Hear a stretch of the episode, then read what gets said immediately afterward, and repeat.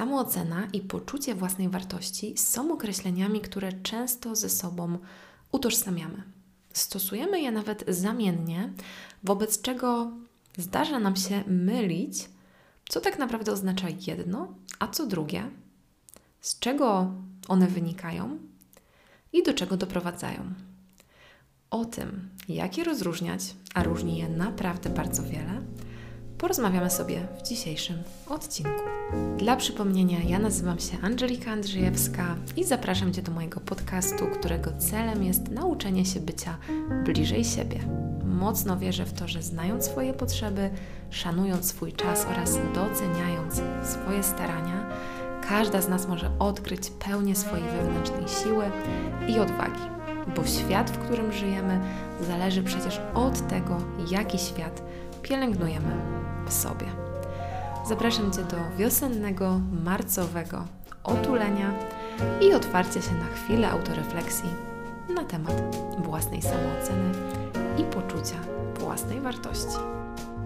Te dwa pojęcia naprawdę bardzo się między sobą różnią. Nie mam pojęcia dlaczego zostały w bardzo szybki sposób ze sobą utożsamione. Wszyscy mówimy, że chcemy być pewne siebie. I mam wrażenie, że pod tą pewność siebie została podpięta zarówno samoocena, jak i poczucie własnej wartości i jeszcze w ostatnim czasie samoakceptacja gdzie tak naprawdę każde z tych pojęć odnosi się zupełnie do czego innego, wynika z zupełnie czego innego i będziemy odnosić poziom jednego, drugiego czy trzeciego w stosunku do zupełnie innych rzeczy. Dzisiaj zajmiemy się dwoma pierwszymi. E, samoakceptację na pewno poruszę w jednym z kolejnych odcinków.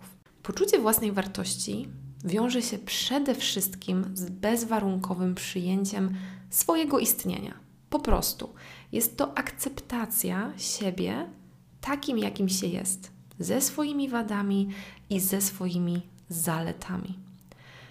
Popatrzenie na siebie jak na jedną całość, nierozgraniczanie tego, co w sobie akceptuję, co w sobie lubię, a czego nie. Natomiast samoocena jest oceną, jak nazwa mówi, oceną samego siebie głównie, i tutaj to jest bardzo ważne, w odniesieniu do innych osób. Czyli samoocena jest oparta na porównywaniu się do innych i dążeniu do znalezienia odpowiedniego miejsca właśnie w tym, co widzimy na zewnątrz. To tak bardzo pokrótce.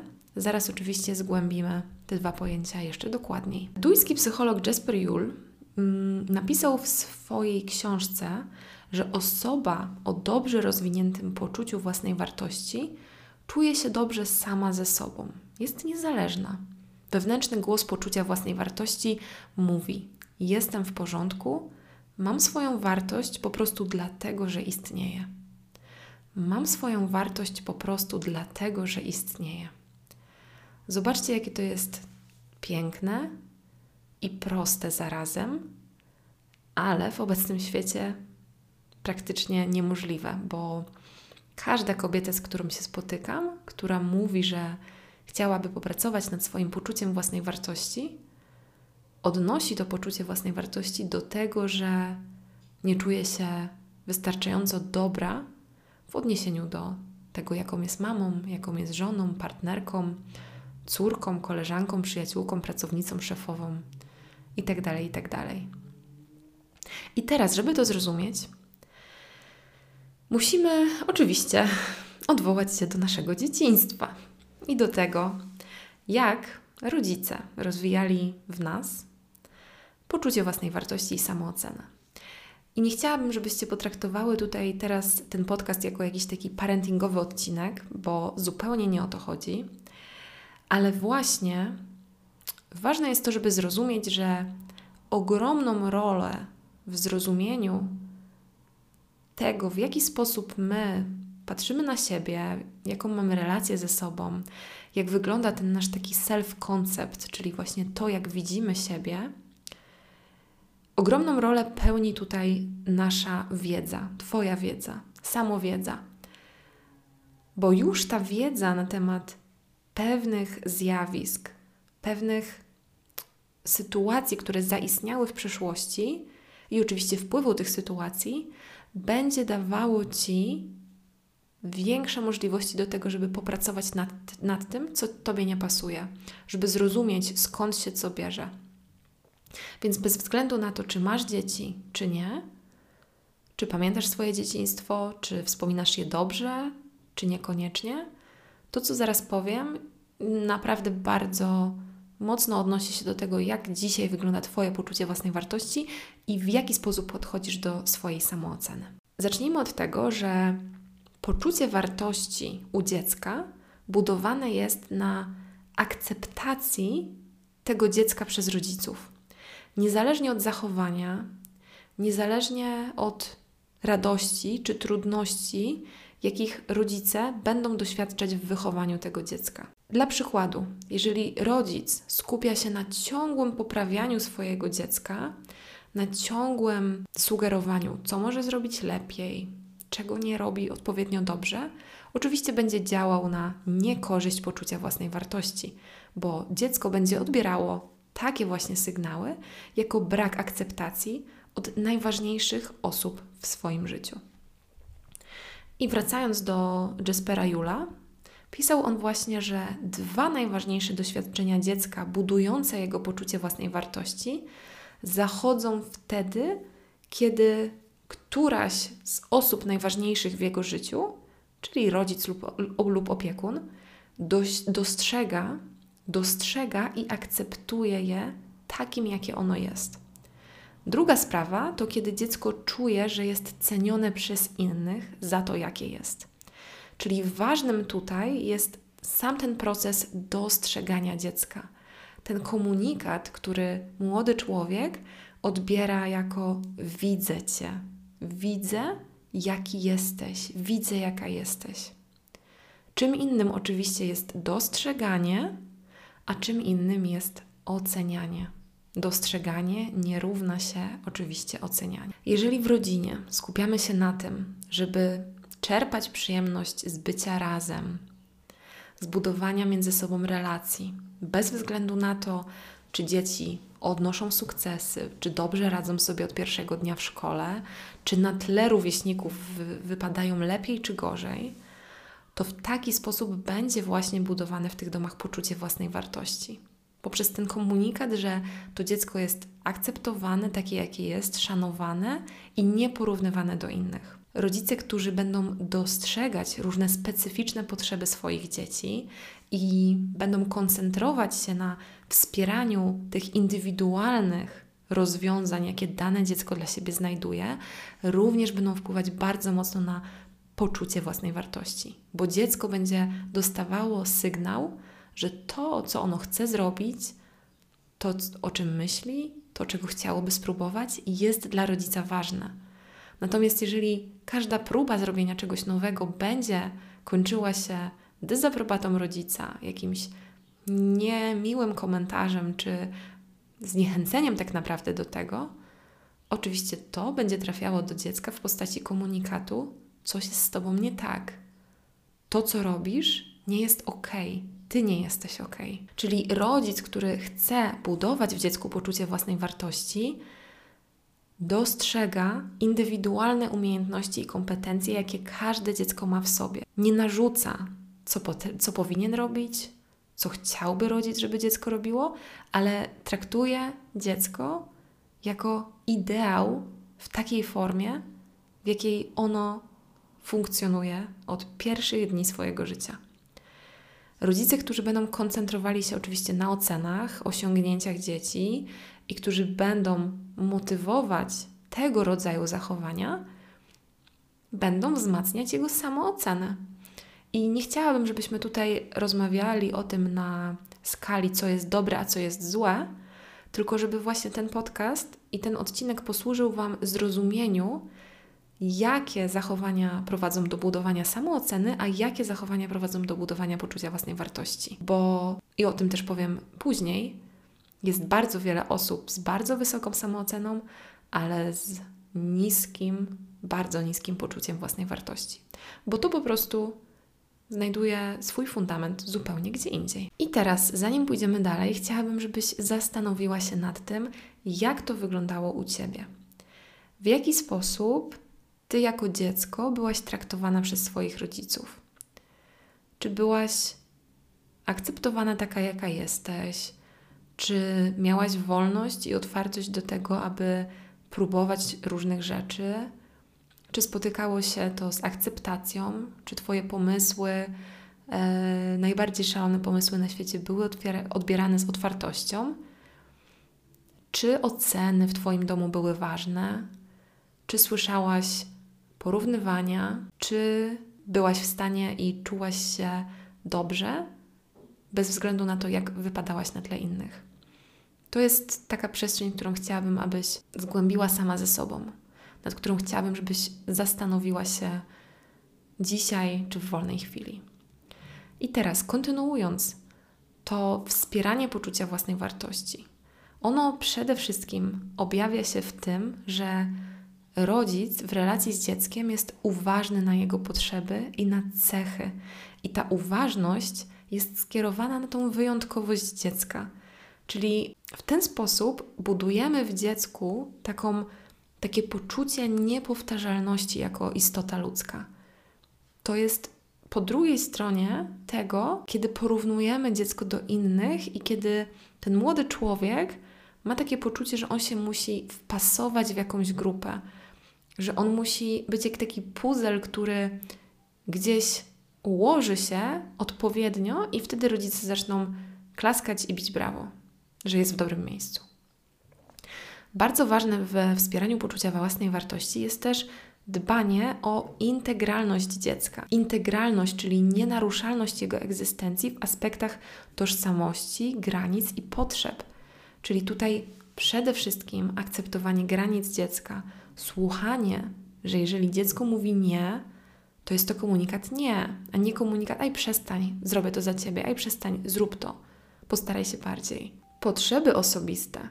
Traktowanie dziecka od pierwszych lat życia jako istoty ludzkiej, która posiada własne potrzeby. Czy te potrzeby były zadbane w Twoim dzieciństwie? I kolejna rzecz emocje. Dziecko ma prawo wyrażać wszystkie swoje emocje.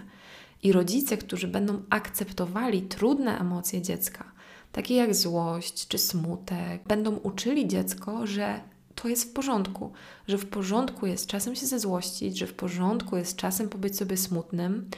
Oczywiście tutaj też są bardzo ważne mm, odpowiednio stawiane granice, i tutaj oczywiście nauka wychodzi od rodziców, tak, żeby rodzic nauczył dziecko, w jaki sposób te wszystkie emocje są naturalne i potrzebne, i że tak naprawdę do, do każdych z tych emocji, które mamy, trzeba dopasować odpowiedni sposób wyrażania ich.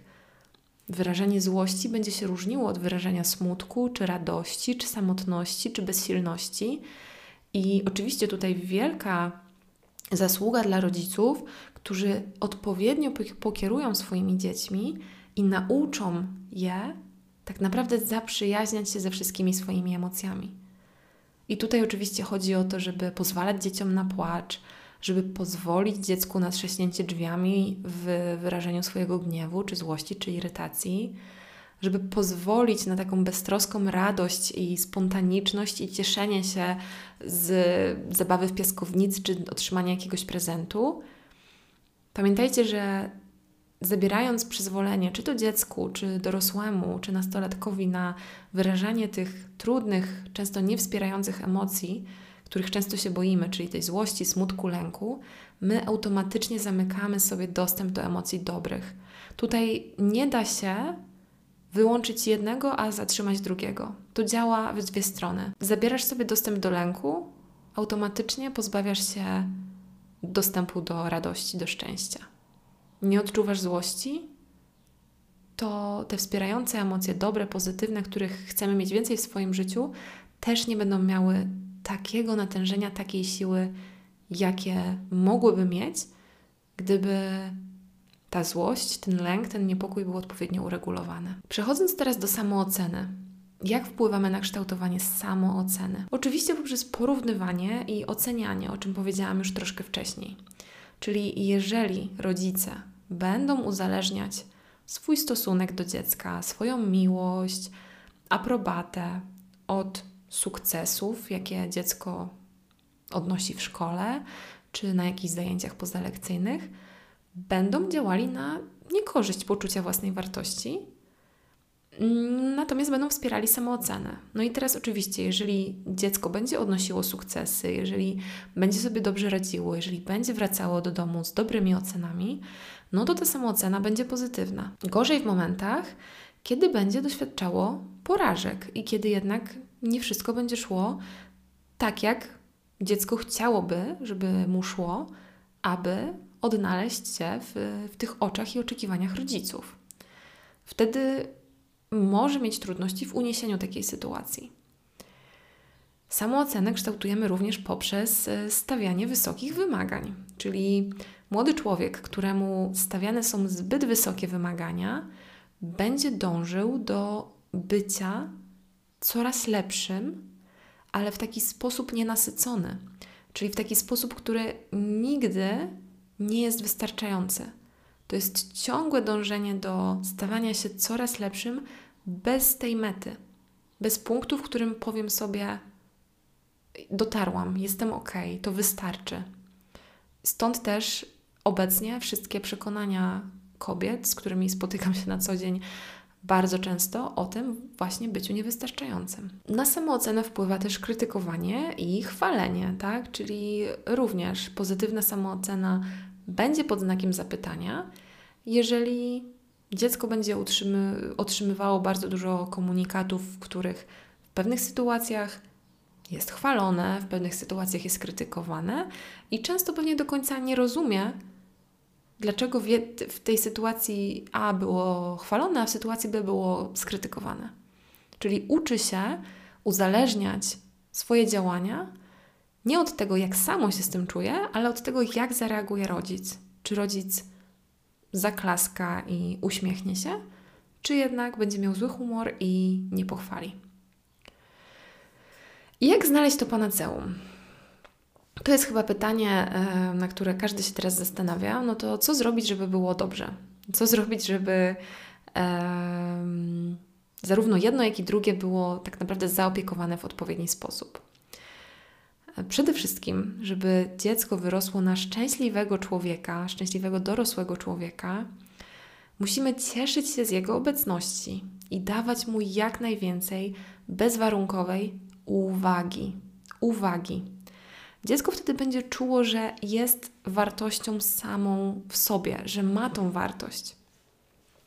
W konsekwencji dorosły o takim ugruntowanym poczuciu własnej wartości będzie miał łatwość do korzystania ze swoich mocnych stron i akceptowania tych słabszych. Na tej podstawie, w sposób taki naturalny i niewymuszony, będzie miał taki dorosły człowiek też potencjał do budowania swojej pozytywnej samooceny. W sytuacjach porażki taka osoba też będzie lepiej sobie z tą porażką radziła. Czyli możemy tutaj powiedzieć, że poczucie własnej wartości jest podstawą, która jest w nas głęboko w środku. To jest takie to podstawowe poczucie: jestem w porządku, mam swoją wartość, dlatego że istnieję. Natomiast samoocenę budujemy w odniesieniu do innych osób, w odniesieniu do tego, jak sobie radzimy na tle innych. I oczywiście to jest również ważne w wieku dorosłym, ale to poczucie własnej wartości jest dobrym podłożem do budowania samooceny, a nie samoocena podłożem do budowania poczucia własnej wartości. My w obecnych czasach e, bardzo dużo spotykamy się właśnie z możliwościami poprawienia swojej samooceny E, możemy kupić sobie fajne ubrania, wsiąść do luksusowego auta, zrobić operację plastyczną, zmienić coś w naszym wyglądzie, pójść na mm, jakiś ekskluzywny event, spotkać się z kimś znanym. To są bardzo częste zewnętrzne wyznaczniki, takie zewnętrzne poprawiacze samooceny. A tak naprawdę, w czym przejawia się wysoka samoocena? Jak jej szukać? Wysoka samoocena to przede wszystkim jest poczucie własnej skuteczności. To jest umiejętność reagowania na trudne informacje, na porażki, na krytyki w odpowiedni sposób, czyli nie załamywanie się, ale akceptowanie tego, że czasem może się nie powieść, Nie zawsze wszystko musi mi wychodzić, ale nie ma w tym nic złego we mnie. Po prostu tak wyszło i taka była sytuacja, ale ja sobie samej nie zabieram za to poczucia własnej wartości. Wysoka samoocena to też jest takie poczucie, które sprawia, że my potrafimy zapanować nad sytuacją, że nie czujemy tej bezradności, bezsilności w pewnych działaniach. Więc częściej też z wysoką samooceną będziemy podejmować wyzwania, będziemy czuć się odważniejsze, będziemy więcej eksplorować, co będzie sprawiało, że będziemy mieli więcej wprawy do obcowania w nieznanych, w trudnych warunkach, co wpłynie na to, że mniej rzeczy będziemy postrzegać za zagrożenie, za niebezpieczeństwo. Czyli ta nasza taka wewnętrzna odwaga tutaj też jak najbardziej się e, wzmocni. Wysoka samoocena skutkuje również w dużej ilości motywacji wewnętrznej. Tutaj to pojęcie motywacji wewnętrznej i zewnętrznej. Motywacja wewnętrzna jest wtedy, kiedy ruch do zrobienia jakiejś rzeczy wypływa z nas, ze środka, a nie z presji otoczenia. Czyli mając wysoką samoocenę, częściej będziemy przejawiać i kierować się w działaniach motywacją wewnętrzną. No i oczywiście na końcu będziemy czuć się też dużo bardziej kompetentni i będziemy lepiej o sobie myśleć, czyli ta relacja, którą mamy ze sobą, będzie też na pewno na lepszym poziomie niż przy samoocenie, oczywiście niskiej. I teraz, jak z tą samooceną pracować? Bo skoro wysoka samoocena to jest właśnie umiejętność odnalezienia się w trudnych warunkach, odpowiednia reakcja na informacje zwrotne, na krytykę, dużo tej motywacji wewnętrznej, to jeżeli ta nasza samoocena jest niska, to co w takim razie powinniśmy zrobić? I tutaj mamy tą zmianę. Nie schodzimy od samooceny do wyzwań, ale od wyzwań budujemy naszą samoocenę. Czyli staramy się eksplorować przestrzenie, które są dla nas niebezpieczne, zagrażające, żeby obserwować, jak się w tych sytuacjach odnajdujemy. Staramy się budować nasze kompetencje, żeby ten woreczek z kompetencjami był coraz większy. Uczymy się odpowiednio reagować na informacje zwrotne, przyjmować krytykę, tak aby nigdy nie czuć się bezradni czy bezsilni w jakichś działaniach. Czyli tutaj zarówno ta nasza samoocena, ok, ona będzie wpływała na to, jak my na to wszystko reagujemy, ale jeżeli nam jej brakuje, to możemy wykorzystać tę sytuację do tego, żeby tą samoocenę w sobie zbudować. Czyli możemy sobie stawiać różne zadania o różnym poziomie trudności i właśnie ten, w ten sposób budować swoją skuteczność, swoje poczucie kompetencji poprzez robienie coraz więcej nowych rzeczy, poprzez wychodzenie, mm, poprzez wychodzenie ze swojej strefy komfortu, również będziemy dawać w sobie, dawać sobie poczucie, że jesteśmy odważni i że po prostu bez względu na wszystko sobie poradzimy. Ale dlaczego to jest takie trudne? Bo jest to trudne. I łatwo się o tym mówi, ale w działaniu oczywiście przychodzi to dużo, dużo trudniej. I tutaj wszystko się właśnie sprowadza do tego, że my mylimy te pojęcia. I to jest dla mnie najważniejsza rzecz, którą chciałabym, abyście zapamiętały z tego odcinka. Punktem odniesienia w budowaniu samooceny jest Twój świat zewnętrzny. Samoocena będzie rosła razem z Twoją autonomią. Jest z nią bezpośrednio związana. Czyli dzieci, które będą miały pozwolenie na próbowanie, na odnajdywanie się w nowym środowisku, na niebycie ciągle prowadzonym za rękę, będą miały więcej w sobie poczucia autonomii, co przełoży się oczywiście na wysoką samoocenę. Samoocena jest budowana w oparciu o takie ciągłe sprawdzanie naszego miejsca w odniesieniu do własnych postępów, ale też w odniesieniu do postępów innych ludzi. Naszego miejsca wobec całego otoczenia. Niska samoocena to jest oczywiście poczucie słabości, tak? nieadekwatności, takie poczucie, że nie pasujemy. Tam jest dużo wstydu, tam jest ten komunikat: nie dam rady, nie wystarczam, brakuje nadziei. Mm, pojawia się też ta wtórna bezradność, czyli To zjawisko, kiedy porażka nakręca porażkę. Czyli my obserwując siebie, dokonujących jakąś porażkę, tak naprawdę pozbawiamy się próbowania dalej, co sprawia, że doznajemy kolejnej porażki. Z niską samooceną widzimy więcej błędów niż mocnych stron, tak? Nie dostrzegamy za wiele też szans i możliwości zewnętrznych, które gdzieś się znajdują. Więc jesteśmy trochę w takiej pętli, jesteśmy w takim kołowrotku, e, w takim samo napędzającym się układzie, z którego bardzo trudno wyjść. Niską samoocenę bardzo łatwo możemy sobie utrwalić. Ona się po prostu nakręca, czyli my będziemy udowadniać sobie, że tą samoocenę mamy niską za każdym razem, kiedy coś nam nie wyjdzie. I zamiast takiego nastawienia na to, aby dążyć do sukcesu, aby dążyć do jakiegoś progresu, do rozwoju, włączymy w sobie taki program unikania tylko porażki. Czyli nie będziemy działały z miejsca działania, dążenia, ale z miejsca, w którym minimalizujemy szkody, a nie maksymalizujemy zyski. I co jest tutaj najważniejsze? Nie da się mieć wysokiej samooceny we wszystkim, bo nikt z nas nie jest alfą i omegą i nikt z nas nie będzie mistrzem świata we wszystkim, za co tylko się zabierze. Samoocena to nie jest poczucie własnej wartości. Samoocena będzie się zawsze osłabiać albo wzmacniać w zależności od tego, do czego będziemy ją odnosić. Samoocena jest zmienna. To jest podstawa. A druga podstawa jest to, że w samoocenie nie możemy szukać źródła szczęścia. To właśnie to poczucie własnej wartości, to ono, to poczucie, że jestem, jestem, istnieję, to jest fundament do tego, aby szukać źródła szczęścia i miłości i szacunku do siebie właśnie w sobie.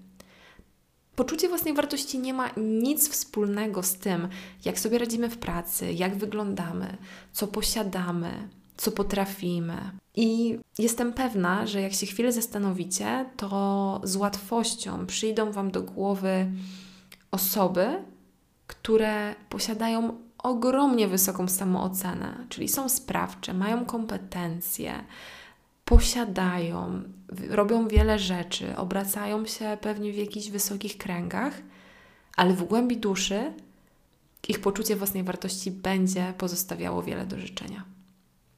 Tym bardziej, że bardzo często obserwujemy właśnie, że ludzie odnoszący ogromne sukcesy doznają różnych chorób albo nawet kończą swoje życie, bo nie da się z zewnątrz nakarmić tego, czego nie mamy w środku. Twoje zewnętrzne sukcesy nie nakarmią braku Twojego fundamentalnego poczucia, że jesteś w porządku. I teraz przechodząc do pewności siebie. Można mieć wysoką samoocenę i można być w czymś dobrym, ale nie zapominać o tym, że czasem możemy być totalnie do niczego. I to, że jesteśmy dobre w jednym, nie oznacza, że będziemy dobre we wszystkim. Postrzegajmy siebie, proszę, jako całość, jako kombinacja dobrego i złego, mocnego i słabego, silnego i znów słabego. I z tego właśnie płynie zrozumienie siebie i samoakceptacja. Ja jestem świetna w organizowaniu czasu, w ogarnianiu rzeczy od A do Z, w zarządzaniu różnymi projektami, ale na przykład jestem do dupy, jeżeli chodzi o dbałość o szczegóły. Ja widzę świat ogólnie, generalnie, ale jak miałabym się zagłębiać w każde szczegóły, to już mnie męczy. Totalnie. Mogę też Wam podać taki przykład, że generalnie koordynacja ruchowa nie jest moją mocną stroną. E, czy to w dzieciństwie, czy w wieku nastoletnim, czy nawet w dorosłości, wszelkie sporty zespołowe, mm, czy jakieś akrobatyczne, nigdy mi to nie szło. Ale w żaden sposób się tym nie przejmuję, bo wiem, że inne rzeczy robię dobrze. Potrafię jeździć na rowerze, czerpię z tego przyjemność. Uwielbiam jeździć na nartach. Ćwiczę jogę, praktykuję asany, medytuję, biegam, zaczęłam biegać. Tutaj z tą koordynacją muszę trochę popracować, to fakt. Ale chodzi o to, że moje poczucie własnej wartości nigdy, nigdy nie było połączone z odnoszeniem sukcesów w jakimś obszarze, czyli właśnie z samooceną. Jak mi ktoś powie, że kiepsko się ruszam, i często to słyszę, to nie odbieram tego jako zarzut do mojej osoby, tylko mogę to zaakceptować i po prostu wziąć to jako komentarz i tyle. No jakby tak, okej, okay, no kiepsko się ruszam, faktycznie, no jestem trochę sztywna, mam długie nogi, długie ręce, mam 1,80 m, więc faktycznie gdzieś tam ta koordynacja pozostawia wiele do życzenia, ale okej. Okay. Poczucie wysokiej samooceny budujemy na sukcesach, na mierzalnych dowodach, że nam się coś udało, na tym, na tym co potrafimy zobaczyć. Natomiast poczucie własnej wartości i tą wewnętrzną siłę budujemy na relacji z porażkami i ze słabościami. Poczucie własnej wartości nie budujemy na górkach, na tych momentach świetności. Nie wtedy, kiedy odnosimy sukcesy, kiedy jesteśmy na górze, tylko właśnie na tym dole tej sinusoidy. Wtedy, kiedy czujemy, że mamy jakąś słabość i potrafimy ją zaakceptować, potrafimy ją utulić, przytulić, powiedzieć sobie, że bez względu na to i tak akceptuję siebie taka, jaka jestem. Samoocena zawsze wychodzi z ego. Dlatego nauka nowych rzeczy, kupienie sobie czegoś drogiego, wejście w kolejny stan posiadania, ulepszenie swojego wyglądu będą samoocenę wzmacniać, ale nie wzmocnią poczucia własnej wartości. Poczucie własnej wartości wychodzi z serducha, z serca. Wzmocnienie go będzie polegało na akceptacji wszystkich słabości, tragedii, których doświadczyliśmy, porażek, które poniosłyśmy, po to, aby nadal uważać, że jesteśmy wartościowe, takie, jakie jesteśmy. I nic tego nie zmieni. To wszystko kształtuje się oczywiście w dzieciństwie.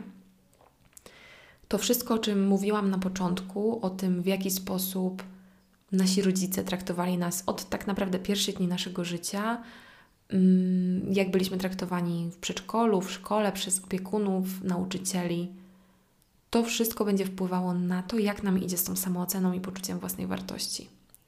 I pamiętajcie, nie chodzi w ogóle o to, żeby winić rodziców, bo oni też mieli swoich, oni też przeżyli swoje, oni też w jakiś sposób zostali nakierowani do tego, jak odnosić tą swoją samoocenę i poczucie własnej wartości do siebie, ale bardziej o to, żeby uświadomić sobie, co na ciebie wpłynęło.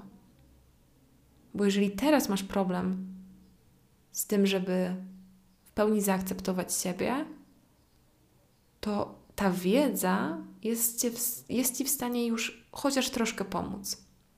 Wiedza na temat tego, jak rozróżnić jedno od drugiego i jak wzmacniać samoocenę albo poczucie własnej wartości, również będzie dla Ciebie dobrym punktem startu albo, albo kawałkiem drogi, na której być może już jesteś. I bez względu na to, jakie mieliśmy to dzieciństwo, jacy byli nasi rodzice, jacy byli ich rodzice, to efekt często jest taki, że wiele z nas, naprawdę wiele z nas nie czuje się kochanymi, nie czujemy, że możemy dostać miłość tak po prostu za to, kim jesteśmy, bez zmian, bez ulepszeń, bez poprawek, tylko właśnie za to, co osiągniemy i, i zdziałamy.